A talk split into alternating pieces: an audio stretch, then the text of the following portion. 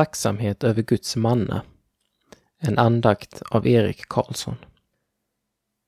Och hela Israels församling klagade mot Mose och Aron i öknen och sa till dem Om vi ändå hade fått dö för Herrens hand i Egypten. Där satt vi vid köttgrytorna och åt oss mätta. Men ni har fört oss hit ut i öknen för att låta hela församlingen dö av svält.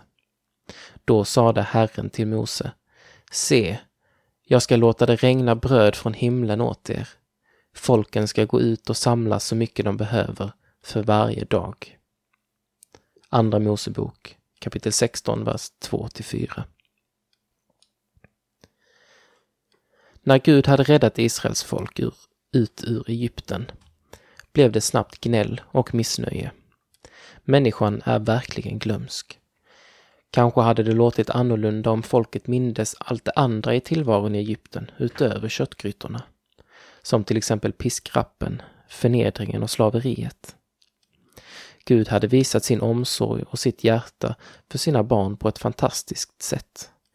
Ändå var klagandet genast tillbaka så fort öknen blev vardag och hungern kom krypande. Händelsen visar att människan aldrig tycks bli nöjd. Men Gud är god. Han ger i precis rätt tid, i rätt mängd och i rätt form. Det vita, frostiga och honungssmakande brödet som kallas manna blev folkets mat i 40 år. Precis som för Israels folk känns livet ibland tungt för oss. Vi jobbar eller går i skolan vecka efter vecka. Allt kan kännas som en enda lång meningslös transportsträcka mot döden. Det är lätt att glömma allt som Gud har gjort och gör i våra liv. Vi lever till exempel i ett land som har fred och ekonomiskt välstånd. Vi kan njuta av en mysig fika en mulen höst eftermiddag och vi får genom Jesu offer på korset ta emot Guds nåd och löften om evigt liv. Jag önskar att vi kunde bli påminda om de underverk som Gud har gjort för oss, våra motsvarigheter till när Gud delade Röda havet och ledde sitt folk ut i frihet. Men vi behöver också bli påminda om alla de vardagliga under som vi får ta del av. 39 år efter att mannat föll för första gången, hade nog israeliterna glömt bort vilket fantastiskt under de dagligen fick bevittna. Detsamma gäller för dig och mig. Vi missar ofta de små undren som Gud ger oss dagligen. Under som glädje, rikedom, frid, vänner och familj. Hur kan vi då vara mer tacksamma? Tacksamhet är i grunden en insikt om Guds kärlek.